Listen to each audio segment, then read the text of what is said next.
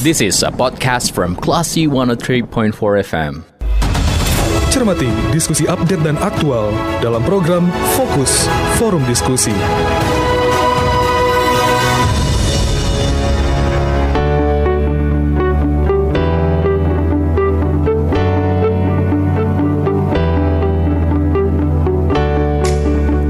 Empat kelas FM, this is the actual radio. Classy People, Anda mencermati program Fokus Forum Diskusi kali ini ditemani oleh saya Faris Sardana di jam 16 waktu Indonesia Barat. Nah, tinggal beberapa hari lagi kita akan merayakan Idul Fitri Idul Adha 1443 Hijriah tepatnya di hari Minggu atau juga ada buat Anda kelas people yang akan merayakannya pada hari Sabtu atau besok ya.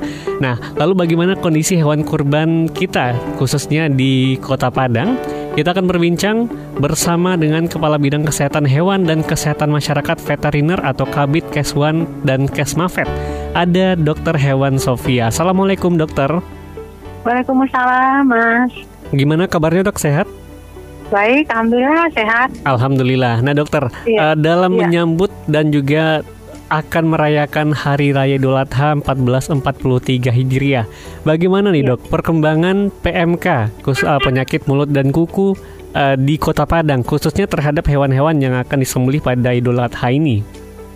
Iya, um, Alhamdulillah ya kita memang sudah dua minggu uh, terakhir menjelang Idul Adha ini sudah menurunkan tim hmm. yang terdiri dari petugas kesehatan hewan, uh, ada dokter hewan, para medis, kemudian penyuluh lapangan gitu ya untuk ber uh, sama-sama untuk mengecek kandang-kandang uh, penampungan yang ada di Kota Padang. Hmm. Dan alhamdulillah dari hasil uh, pemeriksaan kami di kandang-kandang penampungan tersebut tidak uh, ada kami temukan uh, apa namanya indikasi uh, PMK. Namun ada uh, beberapa ekor yang sebetulnya memang uh, memperlihatkan uh, gejala demam hmm. dan itu juga sudah kami tangani dan uh, alhamdulillah ternyata sudah mengalami kesembuhan ya.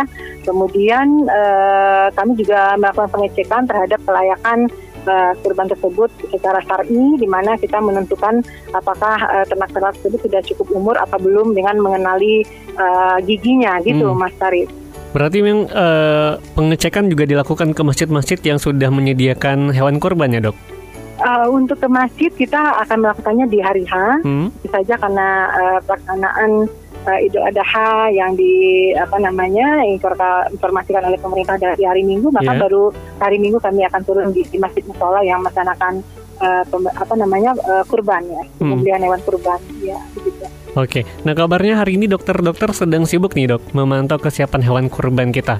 Dari hasil ya, pantauan betul. yang sudah uh, kabarnya uh, hmm. sudah mulai membaik, apakah itu bisa kita pastikan untuk kesehatan hewan kurban dan nantinya uh, efeknya akan tidak begitu besar untuk kita konsumsi nantinya? Hmm. Iya, untuk uh, kalau kita bicara PMK, uh, kita sudah ada fatwa MUI ya hmm. yang yang nomor 32 tahun 2022 yang menyatakan bahwa uh, jika dia mengalami gejala ringan uh, tidak sampai pincang gitu ya, yeah. ini masih boleh dikurbankan. Kemudian uh, PMK ini kan tidak menular terhadap manusia, hmm. jadi tidak berbahaya. Maka uh, karkas atau daging uh, hewan yang tadi menampakkan gejala ringan ya, gejala hmm. ringan terhadap PMK ini boleh saja uh, kita konsumsi, jadi tetap uh, bisa dikonsumsi, namun dengan uh, penanganan yang tepat, di mana nanti kulit, uh, telacak kaki ataupun uh, mulut atau lidah yang mengalami lepuh ya atau hmm. lesi-lesi yang kita temui itu dibuang dengan cara yang tepat, dengan cara dikubur ya, dibakar hmm. kemudian dikubur. Terus kemudian uh, penanganan karkasnya juga yang benar, di mana yeah. uh, pada saat peserta atau penerima kupon kurban menerima daging hmm. uh, dianjurkan untuk segera diolah. Jadi tidak dibenarkan untuk dicuci dulu, Mas. Oke, langsung diolah tapi tidak ya. tidak disimpan untuk beberapa waktu gitu ya, Dok? Enggak, enggak, langsung diolah saja untuk mengamankan uh, apa namanya pemutusan rantai penularan dari uh, wabah PMK ini. Hmm. Kalau misalkan dari dokter hewan dan juga veteriner pastinya melihat kondisi hewan kurban itu ketika masih hidup ya dok. Lalu bagaimana ya. nantinya seseorang ketika sudah mendapatkan hewan kurban atau daging kurban ketika di rumah, apakah bisa menandakan atau mengklasifikasi ciri-ciri dari hewan yang terkena PMK atau tidak? Oh, kalau dari dagingnya nggak bisa mas, kalau dari Hmm. dagingnya nggak bisa, makanya kita memang harus wanti-wanti terhadap panitia masjid sekolah, eh, apa panitia kurban ya, yang ada eh, melokalisir ya, artinya kalau memang ada indikasinya mas, PSA ini diperlakukan terpisah dari yang lainnya, Hmm. sehingga nanti pendistribusian dagingnya juga eh, tadi lebih eh, apa namanya lebih ba- lebih benar gitu ya, sehingga bisa diberikan penerimanya bahwa daging yang ini boleh eh, apa namanya dicuci, ya Hmm. harus langsung dikonsumsi, ah, seperti itulah kira-kira. Oke, Eh, bagaimana kalau kondisinya gini dok? Misalkan dalam satu Nah. keluarga dapat kuponnya banyak, misalnya dari satu masjid, ada dua masjid dan Iya. lain sebagainya, Iya. dan punya iya. stok daging yang cukup banyak. Kalau nggak Iya. disimpan pastinya mubazir. Ini seperti apa menurut dokter Oh. penanggulangan yang harus dilakukan? Jadi kebiasaannya kan cuci dulu baru simpan ya. Iya benar. Sekarang enggak, jangan dicuci, langsung simpan aja di freezer. Oke. Langsung simpan di freezer, nanti pada saat eh, akan mengolahnya rebus dulu, Hmm. baru nanti diolah gitu. Jadi pencucian itu dilakukan setelah daging direbus. Jadi nggak apa-apa kalau ingin menyimpan di apa namanya di freezer ya untuk beberapa hari karena stoknya eh, memang banyak ya Hmm. karena banyak dapat kupon. Iya. Jadi ya nggak apa-apa, tapi jangan dicuci gitu aja Hmm. persyaratannya. Eh, Nah, jadi harus disimpan di freezer. Kira-kira reaksi apa yang ditimbulkan nantinya ketika hewan kurban ini dicuci sebelum diolah dokter? Ya, nah ini tadi kan kita mengantisipasi nih mas supaya eh, wabah ini tidak menyebar luas gitu Hmm. ya. Jadi kalau seumpama dicuci eh, itu kan airnya mengalir ya, mengalir ke dalam eh, saluran pembuangan, Hmm. kemudian eh, selokan, terus kemudian sampai di sungai. Nah Hmm. ini tentu saja akan membawa virus tersebut eh, akan lebih luas lagi gitu Oke. cakupannya. Jadi ah, ah, jadi akan memudahkan eh, penyebarannya gitu.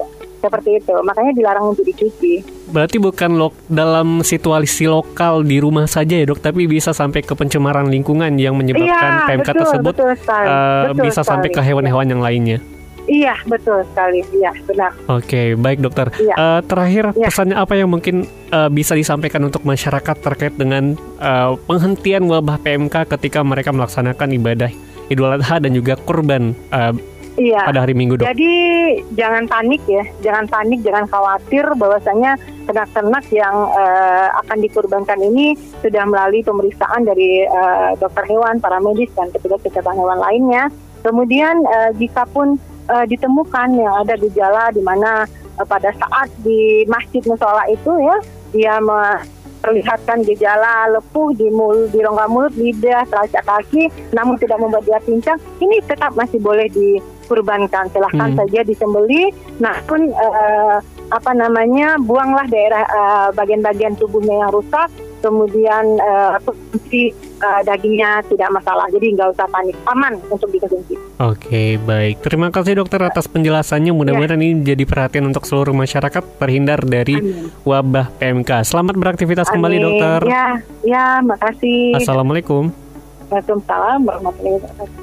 Baik, Classy People, ini perbincang kita bersama Kepala Bidang Kesehatan Hewan dan Kesehatan Masyarakat Veteriner atau Kabit Keswan dan Kesmafet. Ada Dokter Hewan Sofia. Dan saya Faris Sardana, kita ke program selanjutnya. Terima kasih. Anda baru saja mencermati forum diskusi Onion Classy FM.